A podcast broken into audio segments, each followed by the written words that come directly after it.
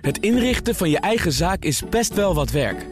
Daarom biedt IKEA voor Business Netwerk 50% korting op interieuradvies. Word gratis lid en laat je werkplek voor je werken. IKEA, een wereld aan ideeën. Werkverkenners wordt mede mogelijk gemaakt door NCOI en Prescan. Prescan, ga voor je gezondheid. Blijf scherp. BNR Nieuwsradio. Werkverkenners. Rens de Jong. In deze BNR Werkverkenners kijken we naar corporate volunteering. Hoe groot is dit medewerkers-vrijwilligerswerk eigenlijk? En wat is de impact? In de vacature gaan we op zoek naar een scheepvaartmeester. En deze week nemen we ook weer tijd voor een handige AI-tool die jouw werk uit handen gaat nemen. Tenminste, dat is de bedoeling. We kijken naar Carve. Dat hoor je allemaal zo meteen. Maar nu eerst het BNR Werkverkenners nieuws. Werkverkenners. Met Jan-Pieter Jansen. Dag Jan-Pieter. Dag Rens. Te zien. Laten we eens even kijken naar de pensioensector. Er is ooit een pensioenwet aangenomen, een nieuwe pensioenwet. En nu willen een aantal partijen daar weer aan rommelen. Daar moet misschien een referendum over gehouden worden.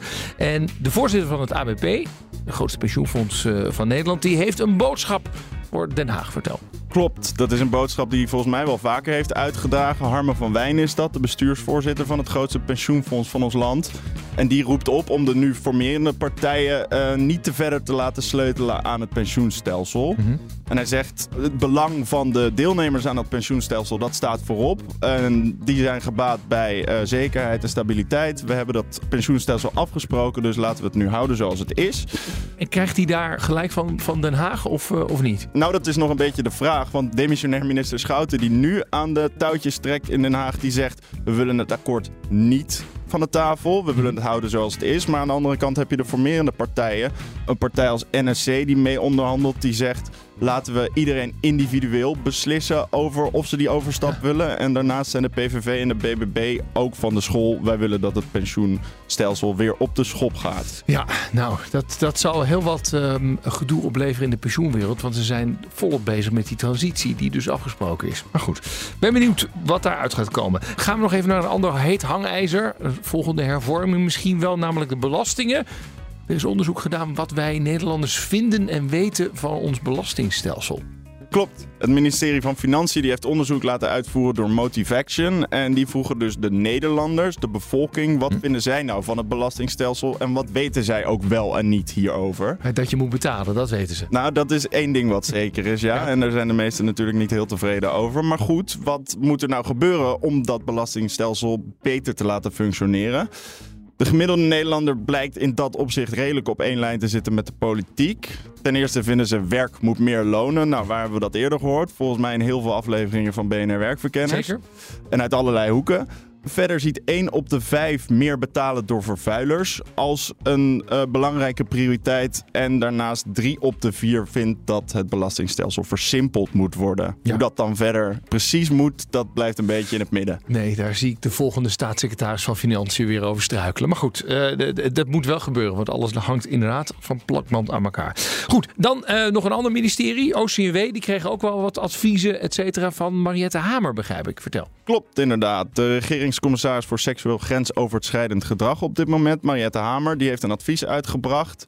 Ze wil natuurlijk dat de ongewenste intimiteiten op de werkvloer tegengegaan worden. Nou, volgens Hamer spelen hogescholen en universiteiten daar een belangrijke rol in. Zij kan het alleen zelf veel beter vertellen dan ik, dus laten we gewoon even met haar gaan bellen. Ja, dat gaan we doen. En sterker nog, ik heb er al een lijn. Dag Mariette Hamer. Hallo. Hoe kan het hoger onderwijs bijdragen aan het voorkomen van seksueel grensoverschrijdend gedrag op de werkvloer? Vertel eens. Ja, dat kunnen ze doen eigenlijk op heel veel verschillende manieren omdat op hogescholen en universiteiten gaat het eigenlijk om drie soorten relaties, als ik het zo mag noemen.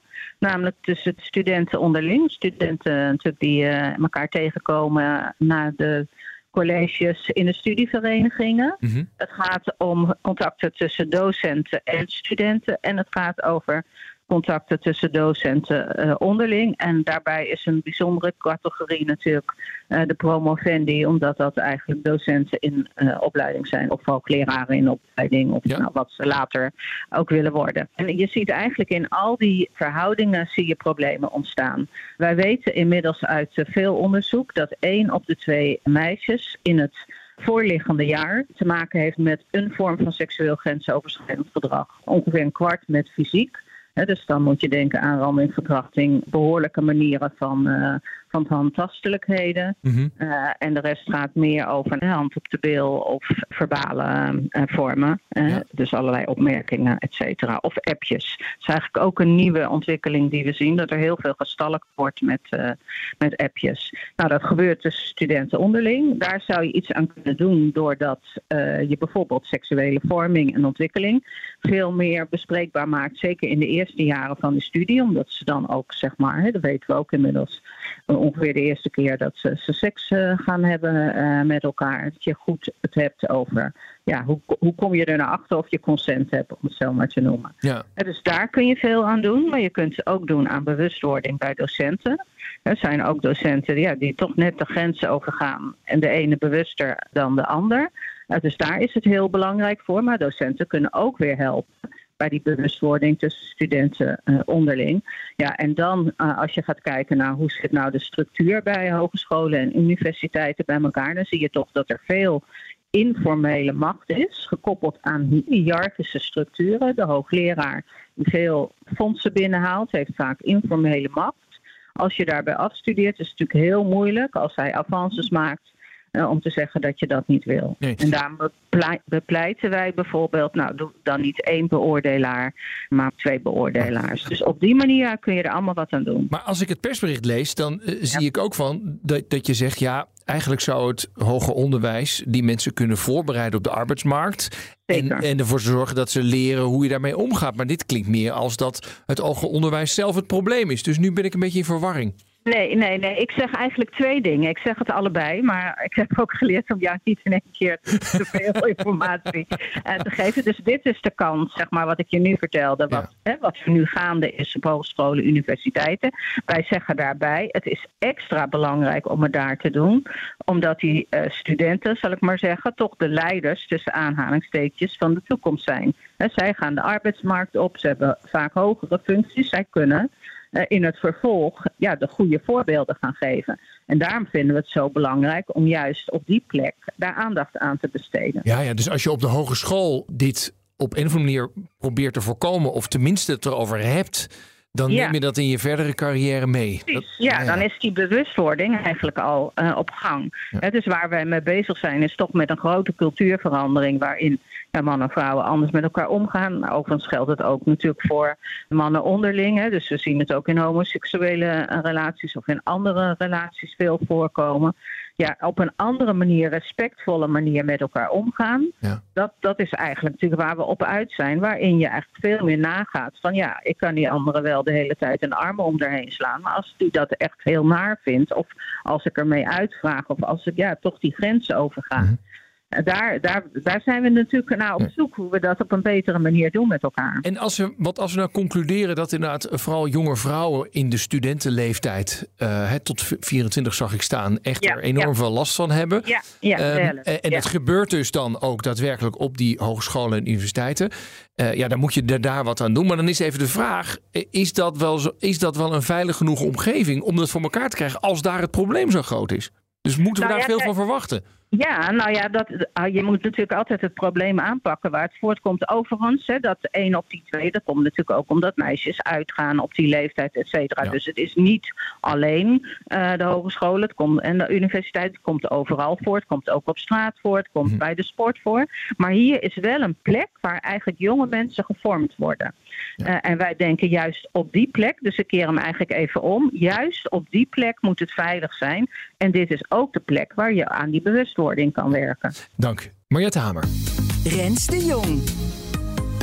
En dan nu de themavraag van deze uitzending. En die draait om corporate volunteering. Heel kort door de bocht. Vrijwilligerswerk in de basentijd. Nou, er blijken heel wat termen voor te zijn. medewerkersvrijwilligerswerk, bedrijfsvrijwilligerswerk en Engelse termen zoals corporate volunteering, employee volunteering. Onderzoek hiernaar trok deze wetenschapper naar het bedrijfsleven. Ik heb ook het voorrecht gehad om me helemaal te verdiepen in het onderwerp corporate volunteering. En op een gegeven moment ging het toch een beetje kriebelen om het ook zelf eh, in de praktijk te brengen. En deze gast heeft zo'n enorme formule rondom vrijwilligerswerk bedacht dat het woord industrie bij me opkwam. Je mag het best een industrie noemen, want als je het namelijk alleen maar een sociaal iets noemt, bij wijze van spreken, dan doe je het denk ik tekort. In deze uitzending komen mooie en impactvolle voorbeelden langs, maar mijn gasten komen ook wel tegen dat een bedrijf heeft bedacht wat leuk is voor de medewerkers, schilderen, en daarbij niet echt let op wat de maatschappelijke organisatie zelf echt nodig heeft. Er is geen ruimte die een laagje verf nodig heeft, maar jij wil het heel graag doen als bedrijf. Ja. En zo'n maatschappelijke organisatie die, die zegt dan toch ja. Ja. ja, dan is die impact gering. En dan ga je met z'n allen dat muurtje schilderen die al vijf keer geschilderd is. En dan heb je heel stoer iets gedaan. Jeugdzorginstellingen lieten mij letterlijk zien dat het muurtje eerst blauw was, toen paars en toen oranje in één jaar tijd. Werkverkenners.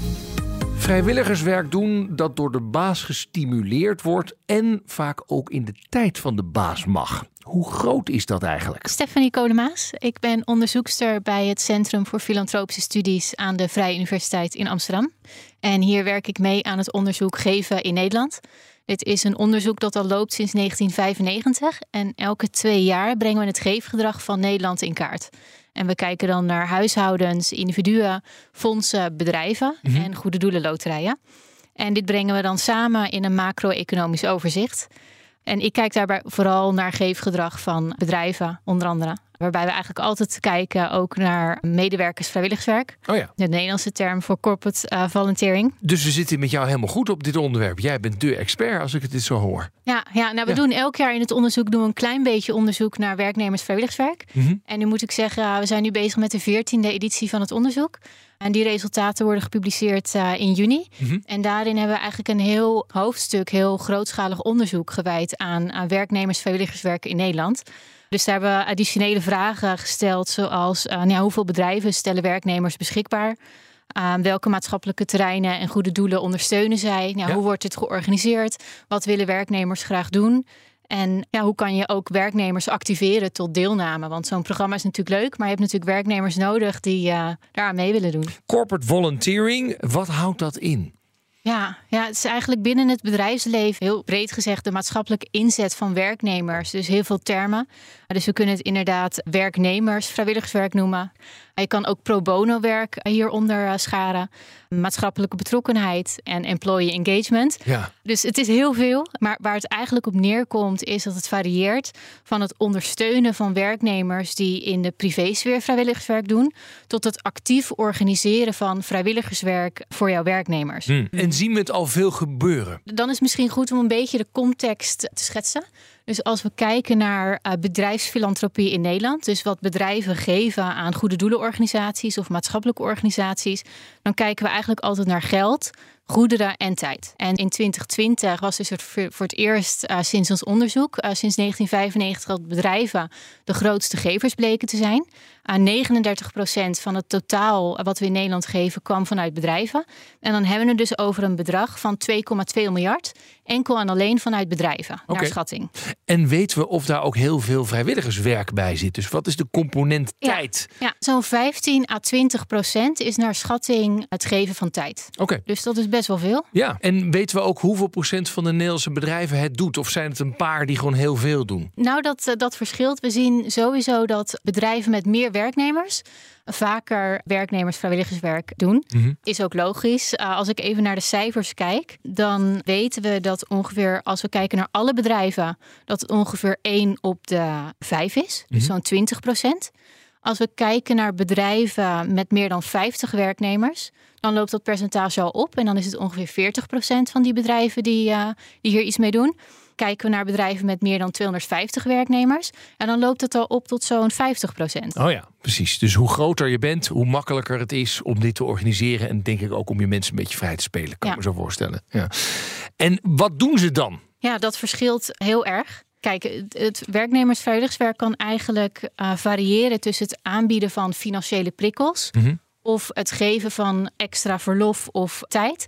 om vrijwilligerswerk in de privésfeer eigenlijk uh, te doen. Ja, een soort stimulans van nou ja, als je dat doet, dan krijg je een dagje extra vrij of uh, een kleine bonus of een ja, geste. Dus dat is eigenlijk één manier. Ja. En een andere manier wat we inderdaad ook zien bij bedrijven is dat ze heel erg actief in samenwerking met maatschappelijke organisaties zelf activiteiten gaan organiseren. Oh, oké. Je hebt heel veel lokaal en in de buurt en op nationale schaal. Dus bedrijven waar werknemers gaan voorlezen bij kinderen op scholen.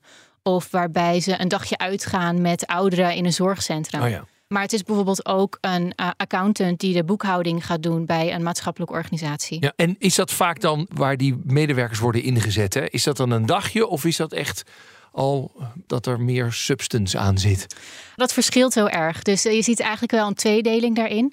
Er zijn heel veel bedrijven die dit inderdaad inrichten als nou ja, een eendaagse activiteit. Mm -hmm. Dan als wordt het we... bijna een soort teamuitje, toch? Ja, maar ja. dan, dan gaan we niet paintballen, maar gaan we echt wat doen. Ja, precies. Ja, Ja. Dus dat zie je inderdaad wel uh, vaak als we ook kijken naar het gemiddelde aantal uur Mm -hmm. wat uh, werknemers krijgen vanuit bedrijven. Dan zit er een hele grote variatie in. Als we echt kijken naar het gemiddelde, en dan slaan we het natuurlijk al heel plat, dan is dat 16 uur per jaar. Oké. Dat is niet heel veel. Maar je hebt bijvoorbeeld ook voorbeelden van bedrijven die daar echt wel structureel iets mee doen. Geef eens een voorbeeld. Je hebt Bizomate. Dit is een kleine of een kleine, uh, middelgrote IT-consultancyclub. En zij bieden elke werknemer 10% van hun werktijd aan om uh, zich in te zetten als vrijwilliger. Wauw. Dus kan je nagaan als je 40 uur per week werkt, dan heb je elke week 4 uur de tijd om vrijwilligerswerk te doen. Naar je eigen keuze is dat dan ook nog. En dat is dan doorbetaald door de baas. Klopt. Ja. Wauw. En waarom, je hebt ze vast en zeker gesproken, waarom doen ze dat? Waarom zegt Bizomate dit moeten we doen? Kijk, op het eerste gezicht lijkt het natuurlijk alsof dat ten koste gaat van productiviteit en omzet van zo'n bedrijf. Mm -hmm. Want dat loopt natuurlijk wel in de, in de bedragen. Maar het levert zo'n organisatie zoals Bizomate ook eigenlijk heel veel op. Want werknemers, wijst onderzoek uit, die hebben dan een hogere productiviteit. Ze hebben een betere privé-werkbalans, uh, minder stress. Ze zijn loyaler, uh, ze hebben een hoger moreel. En uh, ze kunnen zich natuurlijk ook professioneel en sociaal ontwikkelen uh, Ja. met het vrijwilligerswerk. Dus het levert je als bedrijf ook ontzettend veel op. Mijn volgende gast onderzocht dit verschijnsel van corporate volunteering als wetenschapper en raakte zo enthousiast dat ze het in de praktijk wilde brengen. Bij een corporate. Ik ben Lonneke Rosa. Ik werk uh, sinds uh, 2020 voor NN Group. Dat is het moederbedrijf van Nationale Nederlanden, onder andere, en ORA. En daar ben ik verantwoordelijk voor het uh, maatschappelijk programma. Zowel in Nederland als wel voor de internationale business unit. Want we zitten ook nog in tien andere markten met ons programma. En wat doe je dan precies? Nou, ik ben verantwoordelijk eigenlijk voor alles wat NN doet met goede doelen. En ook voor het vrijwilligerswerkprogramma. Oh ja. En jij hebt jarenlang in de wetenschap gezeten. En nu toch de overstap gemaakt naar het bedrijfsleven, hè? Ja, dat klopt. Ja, ik, uh, ik heb uh, met heel veel plezier altijd in de wetenschap gewerkt. Ja. En uh, toen kwam een mooie kans bij Nationaal Nederlanden, bij NN Group. En die heb ik toen met beide handen aangegrepen. Ja, dus jij kent de twee werelden. Wat is je nou in de praktijk opgevallen dat je als wetenschapper in dit onderwerp nog niet zo snel zag? Ja, nou dat zijn voornamelijk de nuances en de details eigenlijk. En vooral de processen. Als wetenschapper hield ik me vooral bezig om uh, natuurlijk te abstraheren van wat ik zag in de praktijk. En uh, dan ga je niet zo de details in. En dan uh, merk je ook intern dat er allerlei processen natuurlijk werken. En ja, ja dat, is, dat is niet wat je als wetenschapper natuurlijk uh, vaak meekrijgt. Nee, maar dat, je zegt het heel aardig. Maar dat is natuurlijk het hele punt. Het idee is hartstikke mooi. Maar je loopt denk ik wel tegen allerlei barrières op, of niet? Nou ja, zo zou je het kunnen formuleren. Maar je kan ook denken van, ja, weet je, er zijn gewoon heel veel mensen ook met dit onderwerp bezig. Hè? Dus ook uh, binnen, binnen ons eigen bedrijf zijn gewoon veel mensen met het onderwerp bezig. Zijn ook begaan met het onderwerp. Mhm. Mm -hmm. Nou, en, en je probeert ook natuurlijk zoveel mogelijk mensen ook mee te krijgen om iets voor een ander te doen. Ja. En dat is dan horen processen daarbij. Dus ik zie dat niet echt als barrière. Ik zie het meer als uh, dat je een heel groot publiek hebt om, uh, om mee te krijgen. Ja. Corporate volunteering, is dat groot bij jullie of niet? Nou, dat is zeker een belangrijk onderwerp. Wij hebben als NN uh, 2020 een strategische belofte gedaan, ook naar onze stakeholder, en dat is uh, de samenleving. En een belangrijk thema daarin is onze bijdrage die we doen aan de lokale uh, gemeenschappen waarin we actief zijn. En daarin focussen we ons voornamelijk op financieel welzijn en mentaal en fysiek welzijn. Daarbinnen is voor ons vrijwilligerswerk heel erg belangrijk. Dus dat betekent ook dat we eigenlijk door heel NN proberen, dus zowel in Nederland als wel uh, in een internationale business unit, echt proberen om mensen te stimuleren om ook iets voor een ander te betekenen. Mm -hmm. Om een keer deel te nemen aan, uh, aan het vrijwilligerswerk. Om ook te zorgen dat wij ons doel bereiken ja. om straks 1 miljoen mensen op hun fysiek mentaal of eh, financieel welzijn te ondersteunen. Ja, en, en hoe ondersteunen jullie dan je medewerkers om uh, vrijwilligerswerk te gaan doen? Nou, dat doen we op verschillende manieren. Enerzijds uh, kijken we natuurlijk van, goh, wat zijn onze belangrijke maatschappelijke partners? Wat voor vrijwilligerswerk hebben zij eigenlijk nodig? Hè? Dus welke mensen hebben onze maatschappelijke partners nodig? Wat voor handjes, wat voor hersenen, wat voor expertise hebben zij nodig? En dat zetten wij uit uh, binnen, binnen NN. Ja. En dan kunnen mensen zich ook daarvoor inschrijven. Wij doen ook allerlei teambuilding activiteiten, zodat ook mensen als een team aan de slag kunnen. Is het dan ook bijvoorbeeld dat, dat mensen daar ook dagen vrij voor krijgen of een compensatie voor krijgen? Of is het vooral dat jullie het netwerk aanbieden? van hé, hey, als je wil vrijwillig werken, uh, misschien is dit een idee. Nou, het is voor ons wel heel erg uh, verankerd in de, in de processen, omdat wij echt een target hebben gesteld van voor elke business unit hebben we een target gesteld om in Nederland 2,5 uur per persoon vrijwilligerswerk gemiddeld te doen. Dus dat betekent niet dat iedereen bij ons mee moet doen, maar mhm. gemiddeld hebben we de ambitie om 2,5 uur per persoon per jaar te doen. Dat betekent dat de een wat meer doet dan de ander. Hè, want iedereen heeft natuurlijk ook nou ja, een voorkeur om vrijwilligerswerk te doen of niet. Of er zijn allerlei omstandigheden waarom dat mensen wel of niet kunnen meedoen. Sommige mensen doen al heel veel vrijwilligerswerk in hun vrije tijd. Maar jullie hebben een target gesteld van 2,5 uur per medewerker per jaar aan vrijwilligerswerk. Ja, dat klopt. Ja. En ik vraag me dan af, hè, want je zegt het zit in een proces, maar stimuleren jullie het ook? Wordt dat beloond of, of, of is het vooral uh, het aanbieden van en een netwerk bieden? Nee, want we faciliteren natuurlijk ook. Hè. Dus we zeggen ook van uh, we hebben een heel groot programma wat we aanbieden door de week. Dus dat is echt van maandag tot vrijdag. Mm -hmm. Er zijn allerlei activiteiten die mensen aan deel uh, kunnen nemen.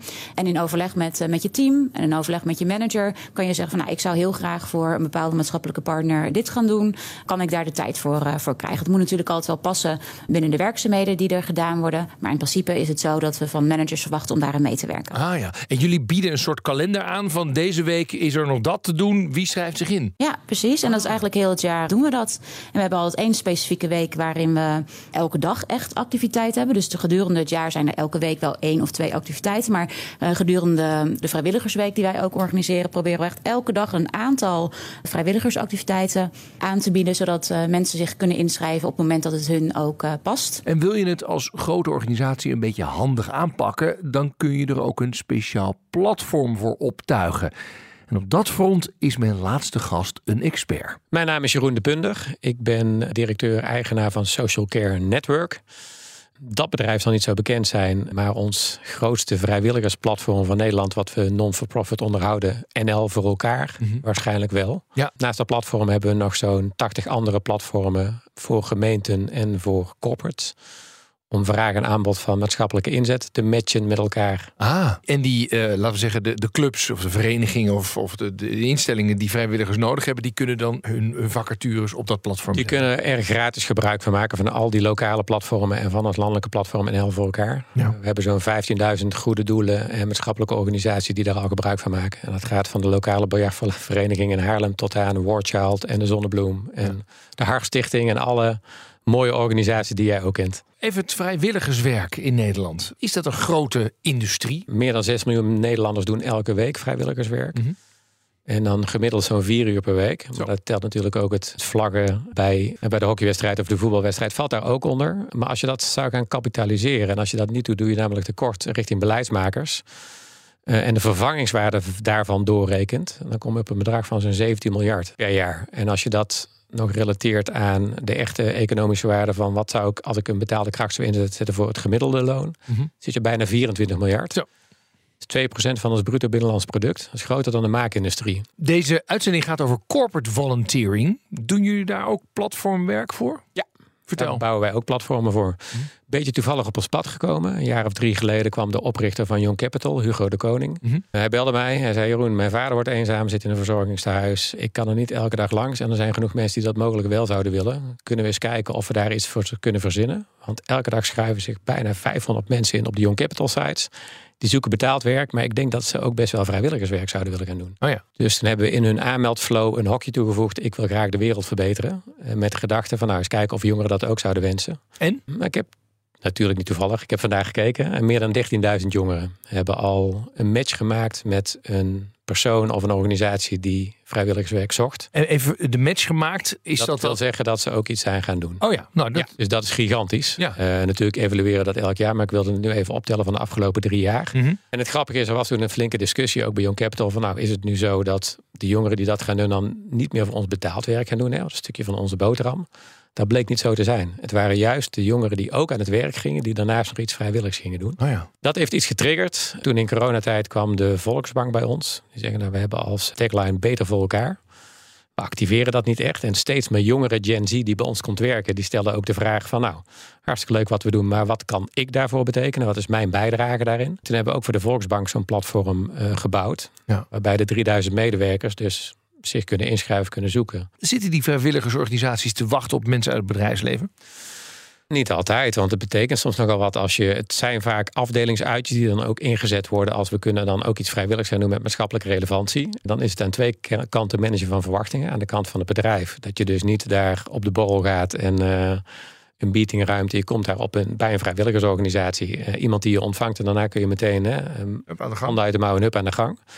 Dus dat is het managen van de verwachtingen aan de kant van de vrijwilligersorganisatie. Die moet zich daar ook wat meer op gaan richten en inrichten. En dat er een groep kan komen, een, een wandeling met een groep bejaarden, daar kunnen altijd wel drie, vier mensen bij. En dan is het niet vol is vol. Het is natuurlijk super prettig op het moment dat jij een rolstoel duwt en je zit voor je uit te kijken in die rolstoel. Dan is het ook leuk als er iemand naast je loopt die een praatje met je maakt. Dus daar kan altijd iemand terecht. En als zij op die manier leren denken aan twee kanten, volgens mij is de match dan zo gemaakt. Ik En- hoor ook wel af en toe dat bedrijven dan heel specifiek zijn in wat ze willen aanbieden. En dat die vrijwilligersorganisaties dan zeggen, nou ja, ja, kom dat dan maar doen. Maar dat dat niet echt nodig is. Ik hoorde al een voorbeeld van een muurtje dat al drie keer van kleur was verschoten in een jaar. Nou ja, dat is wat je ziet. Hè, dat een bedrijf dan denkt, we moeten maatschappelijk relevant zijn. Dus we gaan iets doen. En dan wordt er iemand in het bedrijf aangewezen die dat moet regelen. Die belt de lokale kinderboerderij en die zegt, ja, kom maar.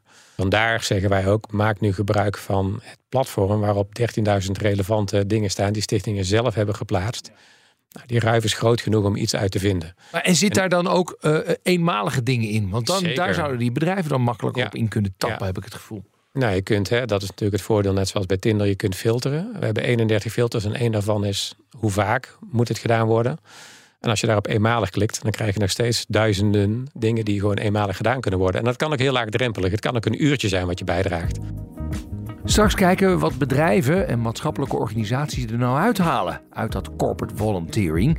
Maar nu eerst werk als scheepvaartmeester. En daar bleek ik dus een heel verkeerd beeld van te hebben. De vacature. En ook deze week hebben we weer het internet afgespeurd op zoek naar opvallende vacatures. En ons oog viel op een vacature van scheepvaartmeester bij de provincie Overijssel. Is dit nou een brugwachter in een modern jasje of iets meer? Eh, Ralf Kikkert is een van de huidige Overijsselse scheepvaartmeesters. En als het goed is, hebben we zijn nummer. Laat me even bellen. Goedemorgen met eh Ralf Kikkert, provincie Overijssel Inspectie Scheepvaart. Hallo. Da- dag Ralf met Rens de Jong van BNR. Ja, goeiedag. Eh, ik begrijp dat jij een scheepvaartmeester bent. Ja, dat is correct. Je moet er een beetje om lachen. Maar Ja. wat is dat precies? Nou, een scheepvaartmeester is iemand eh, die zorgt voor het vlotte en veilige scheepvaartverkeer op de provinciale vaarwegen binnen Overijssel of Friesland of Groningen. Dus het, eh, Ah. dat is de functie. Ja. Ja, ja, want ik dacht dat het brugwachter was, maar dat is, dus, dat is dus niet zo. Je zit echt op het water, begrijp ik. Dat is correct. Eh, we varen op, ja, op een snelle motorboot en op een patrouillevaartuig.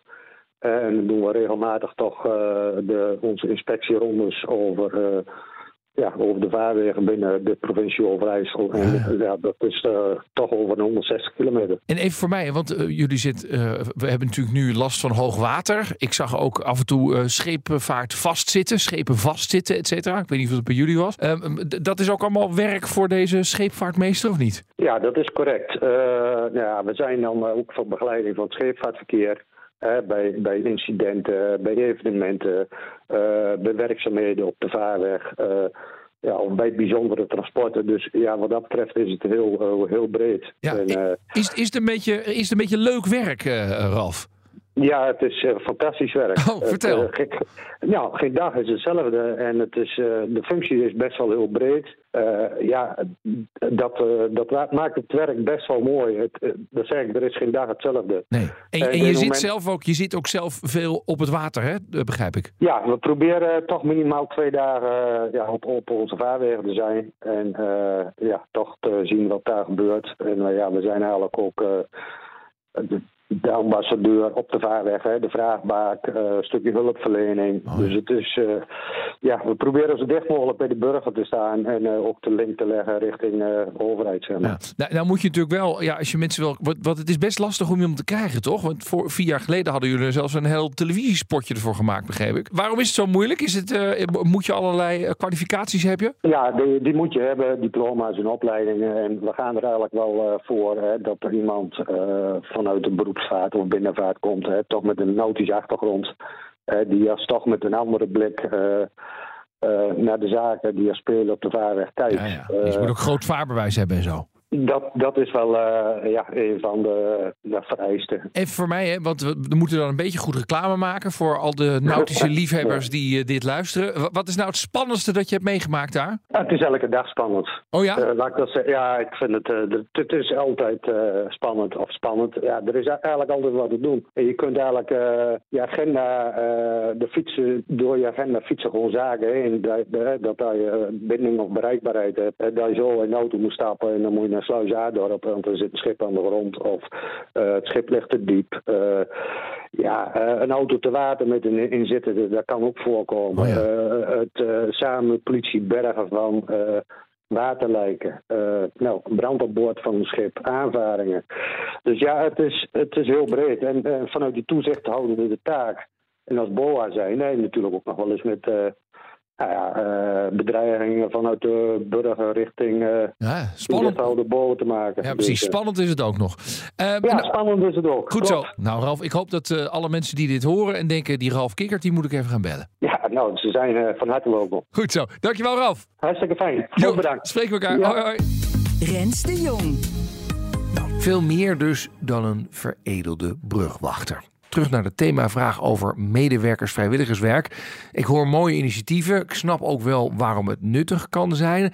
Maar ik heb nog geen goed beeld van de impact.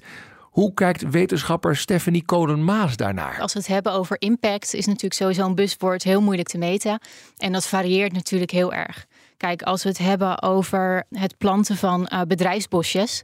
Dus bedrijven die een stuk grond hebben en daar met uh, werknemers een dag per jaar of meerdere dagen per jaar bomen gaan planten.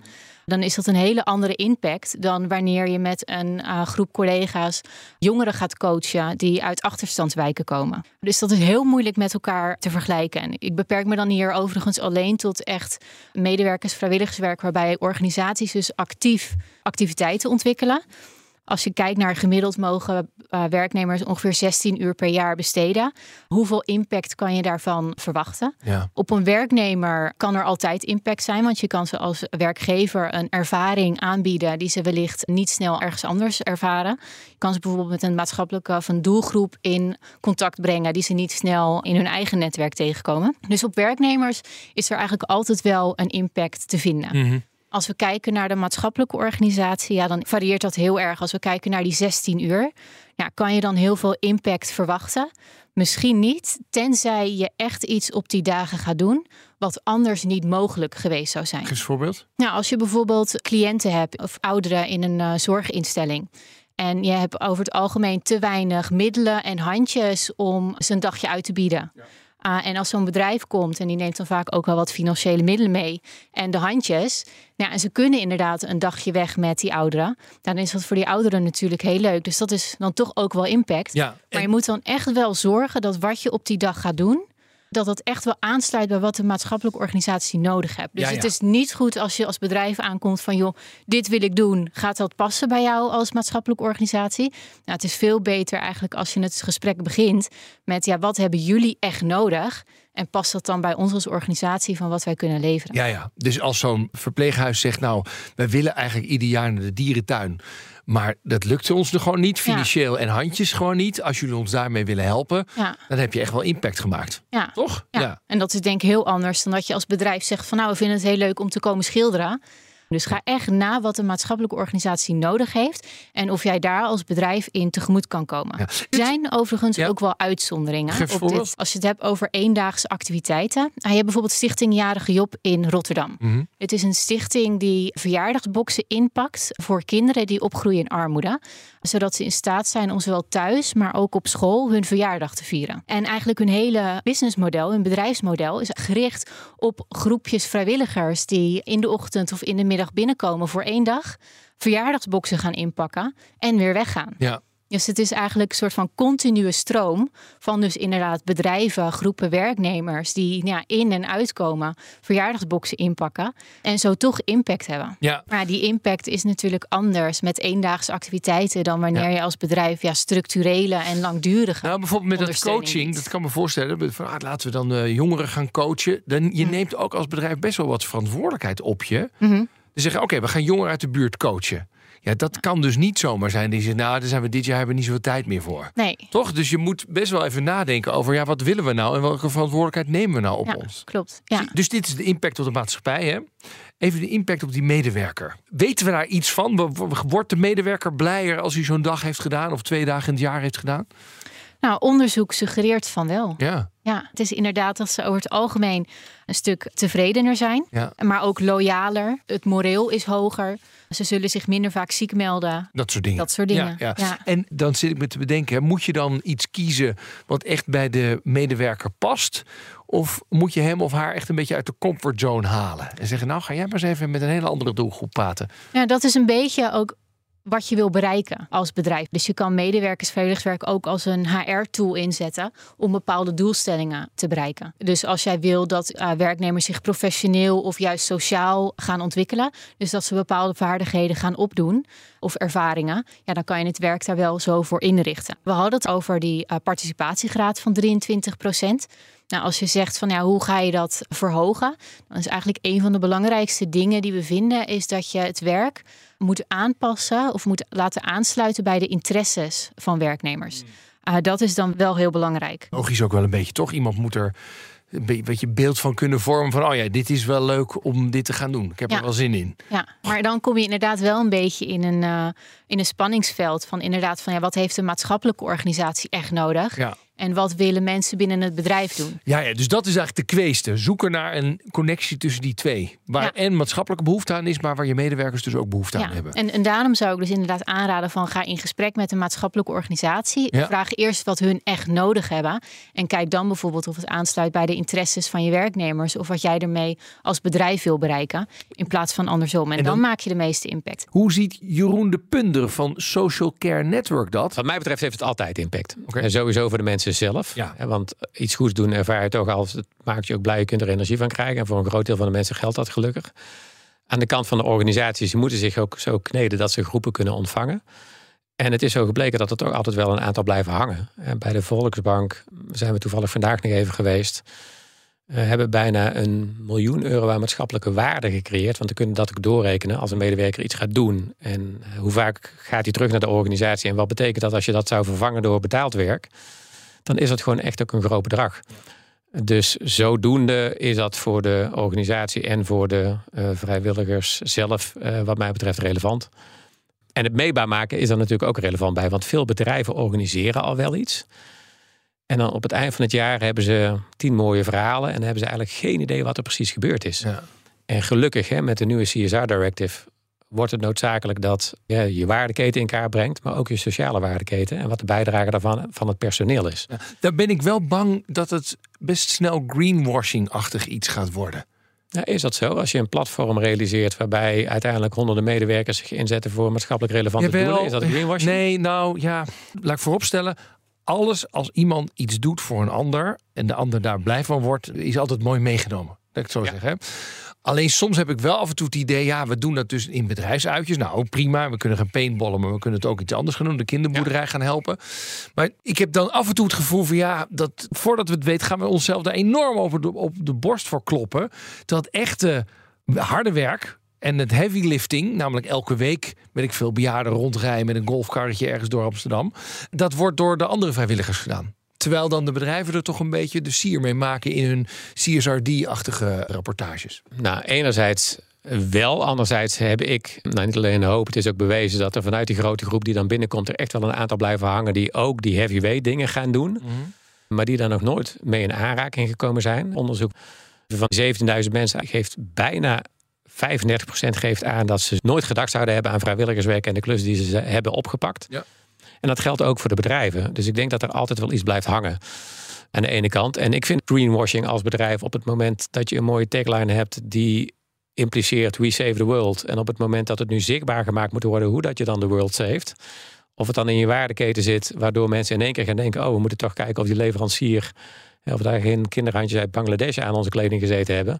Als dat dat triggert, vind ik dat prima. En datzelfde geldt voor sociale impact. Op het moment dat je het roept en je kunt het niet bewijzen, dan zeg ik, nou laat ze het ook maar eens bewijzen. En als dat betekent dat ze uiteindelijk een platform van ons nemen. Ja. En zo doen heel veel medewerkers matchen met uh, maatschappelijke organisaties. Ben ik ook een blij man en vind ik het geen greenwashing. Hey, wat voor bedrijfsuitjes doen jullie eigenlijk met jullie bedrijf?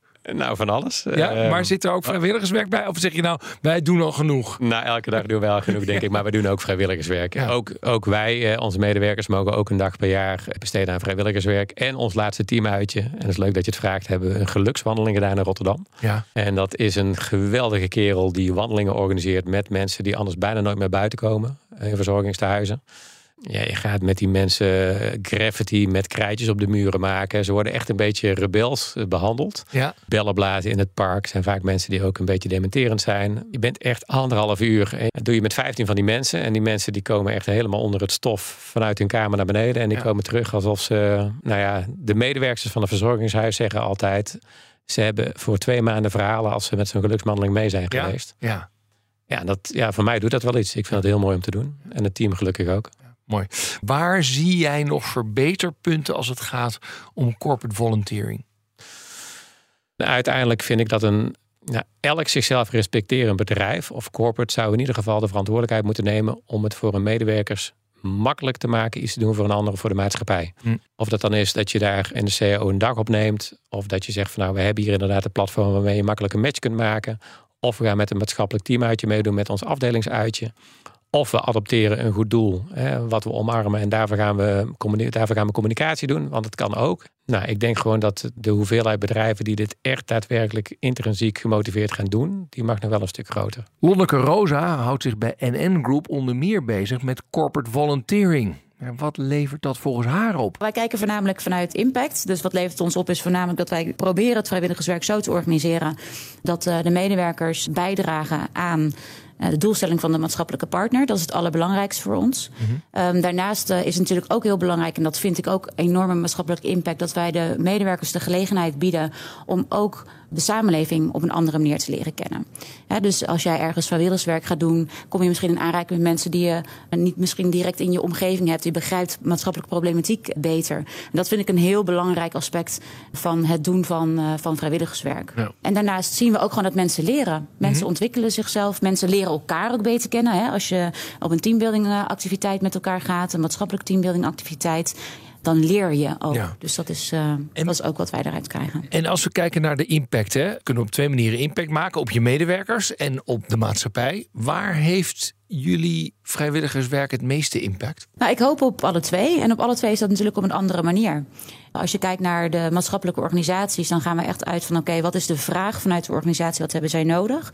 En dat kan aan de ene kant zijn de, de wereld verbreden van de jongeren waarmee zij bijvoorbeeld werken. Als we kijken bijvoorbeeld naar, eh, naar Jink, daar hebben we een programma met netwerken voor werk mee eh, opgezet. En daar bieden de vrijwilligers echt een, een netwerk aan voor jongeren die een, een, wat zeggen, een, een wat kleiner netwerk zelf hebben. En als zij straks naar een stage willen of naar eh, een baan willen, dan is dat netwerk ontzettend belangrijk. Dus op die manier proberen we echt waarde toe te voegen aan die maats- maatschappelijke organisatie. Maar tegelijkertijd, als onze collega's daar ook vrijwilligerswerk doen, Uh, dan leren ze natuurlijk heel veel over zichzelf Ja. en ook over uh, de wereld om hen heen. Ja. Is het altijd goed of zijn er ook kanttekeningen te maken? Hm. Nou, ik, ik, denk zeker dat er uh, verschillende kanttekeningen te maken zijn. Kijk, je hebt gewoon te maken met maatschappelijke organisaties met een missie en ook met een doelgroep die soms kwetsbaar kan zijn. En daarom is het niet altijd even impactvol en, en op een positieve manier als er bijvoorbeeld eenmalig vrijwilligerswerk wordt gedaan. Soms is het gewoon echt nodig dat er vaker dat er duurzamere relaties ontstaan tussen, tussen vrijwilliger en degene met wie je werkt. Mhm. Dus het kan ook echt een negatief effect hebben. Soms worden er ook dingen gedaan die helemaal niet nodig zijn. Omdat een maatschappelijke organisatie denkt: oh, nou, er komt een groot bedrijf bij ons en die willen heel graag wat voor ons betekenen. Laten we maar wat bedenken. Hè, omdat ze anders bang zijn dat er misschien ook geen andere uh, vorm van uh, ondersteuning vanuit die organisatie, uh, vanuit dat bedrijf komt.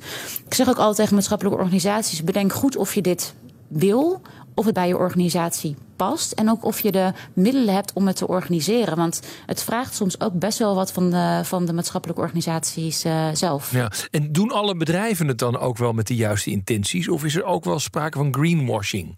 Nou, ik denk dat uh, bedrijven bestaan uit mensen. En ik denk dat mensen in zijn algemeenheid heb ik altijd het gevoel dat mensen goede intenties hebben. Mm -hmm. Ik denk wel dat in zijn algemeenheid bedrijven gewoon de vraag moeten stellen: wat is er echt nodig? In plaats van dit willen wij geven. Ja. He, want het is natuurlijk goed bedoeld om te zeggen: wij willen dit bij jullie komen doen of wij willen jullie komen helpen. Maar het begint altijd met de vraag: wat is er nodig? Ja. En ik denk dat, dat dat het belangrijkste is. En hoe praktiseer je dat dan bij NN? Want daar kan ik me ook wel voorstellen dat, dat je, stel je voor, je hebt medewerkers die zeggen: nou, ik vind schilderen heel leuk dat je dan toch ook wel weer snel buigt en zegt: Nou ja, oké, okay, nou, die gasten schijnen nog wel een muurtje te hebben waar we kunnen schilderen. Snap je wat ik bedoel? Ja, nee, dat, uh, dat doen we niet. nee, het, uh, wat, we, wat we eigenlijk hier doen is uh, dat we heel veel verschillende opties geven. Hè. Dus de een vindt het fijn om iets met je handen te doen, de ander vindt het fijn om iets met met de vaardigheden te doen. Dus in, in die zin proberen wij een breed programma aan te bieden waar je op verschillende manieren bij betrokken kan, kan zijn. Ja, nou is het natuurlijk hartstikke goed hè, dat jullie dit als NN doen. En volgens mij werken er echt 10.000 mensen bij jullie. Toch klinkt 2,5 uur per jaar mij wel een beetje magertjes in de oren. Of zit ik gewoon helemaal verkeerd? Nou ja, ik zeg niet dat je verkeerd zit. Maar ik denk dat er heel veel redenen voor zijn om, om hem op, op die doelstelling neer te zetten. Je zegt namelijk, hè, we moeten een langdurige relatie opbouwen. We moeten echt wel impact maken en et cetera. En ik denk ook bij mezelf, ja, als je ja. 2,5 uur tijd hebt... ja, het is de heenreizen, één kop koffie en een paar dingen doen... en dan is het alweer 2,5 uur verder, snap je? Nou, sowieso rekenen we de reistijd niet mee. Nee, dat, dus dat, dat scheelt. Je bent echt uh, on-site. ja, maar het, is, het is een middag, of het is een ochtend. Dat is het. Ja, precies. Wat misschien oké is, maar, maar kijk, het is ook gemiddeld. Naar, we, we, willen met elkaar echt lang, langdurige band opbouwen... en ervoor zorgen dat we die mensen niet laten vallen. Ja, dan denk ik, nou, misschien is, is 2,5 uur een beetje uh, weinig. Ik snap zeker wat je bedoelt. Kijk, het is een gemiddelde. Hè, dus het is niet dat, uh, dat we van iedereen 2,5 uur vragen.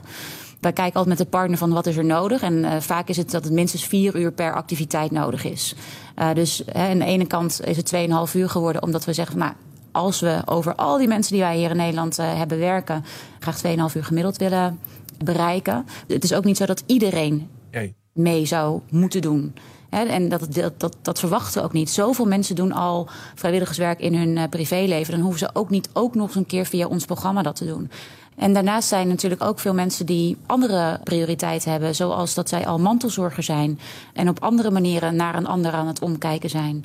Dus ja, wij, wij pretenderen ook niet dat wij iedereen dit willen laten doen. Wij willen iedereen wel de kans bieden om iets voor een ander te betekenen. Dat vinden we heel erg belangrijk. Maar niet iedereen hoeft dat uh, bij ons te doen. Nee. En vandaar ook 2,5 uur, wat heel realistisch is. Ja. En die, hoeveel procent van de NN'ers doet mee? Daar hebben wij niet de exacte cijfers uh, van. Wij weten wel dat we ongeveer in Nederland uh, ongeveer 19.000 uur hebben gedaan. Mhm. Als ik een inschatting mag maken, denk ik ongeveer dat 15, 15% van de mensen meedoen bij ons. Ja, en, en ben je tevreden met dat getal? Of denk je, nee, mijn streefgetal is hoger? Ik ben tevreden met wat we met hoeveel mensen dat er bij ons in het programma meedoen.